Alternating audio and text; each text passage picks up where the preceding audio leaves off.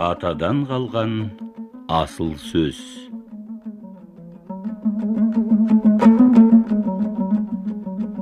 Әнет бабаның ой толғамдары. Әйтеке би айтқан сертінен жер дүние қозғалып кетсе де айнымайтын адал ауыздыға сөз бермейтін шешен екі иығына екі кісі мінгендей ірі нар тұлғалы адам екен. Түркістанға күлтөбеге билер кеңесіне бара жатып та кеңестен келе жатып та әнет бабаға кеп амандасып өтеді екен әрі батыр әрі шешен әр көсем әйтеке биді әнет баба осы қасиет үшін қатты сыйлайды екен. Сондай сапарының бірінде әнет баба әйтеке биге былай депті. Әйтеке жан бүгін бір түс көріп ояндым сол түсімді саған жортайын деп отырмын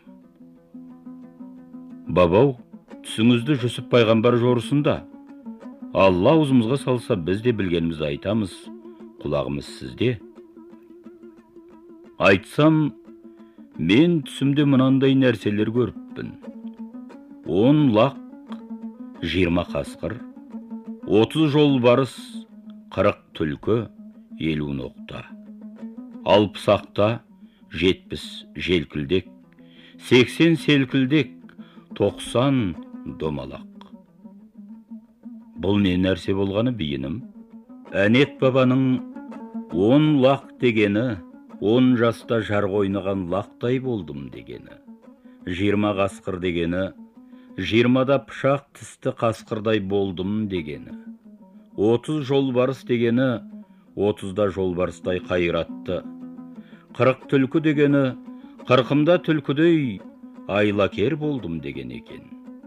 Елу ноқта дегені елуде ноқталаған аттай болдым дегені алпыс ақта дегені алпыста ақталаған аттай болдым дегені жетпіс желкілдек дегені жетпісте күшім кетіп түндіктей желпілдек болдым дегені сексен селкілдек дегені сексенде буын буынымнан әл кетіп селк селк етіп қалтылдақ шал болдым дегені тоқсан домалақ дегені тоқсанда өз аяғыммен жүре алмай домаланып мешел болып қалдым деген екен соны әйтеке би былай түзеткен көрінеді әнет баба сіз қазақ үшін алпыста арқа болдыңыз.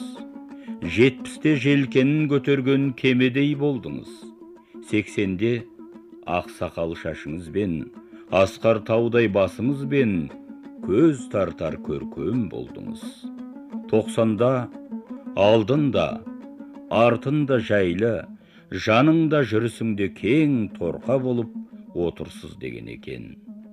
Әнет бабаның әйтеке жанай көп жаса деп рахмет айту себебі осындай құрмет марапат үшін болыпты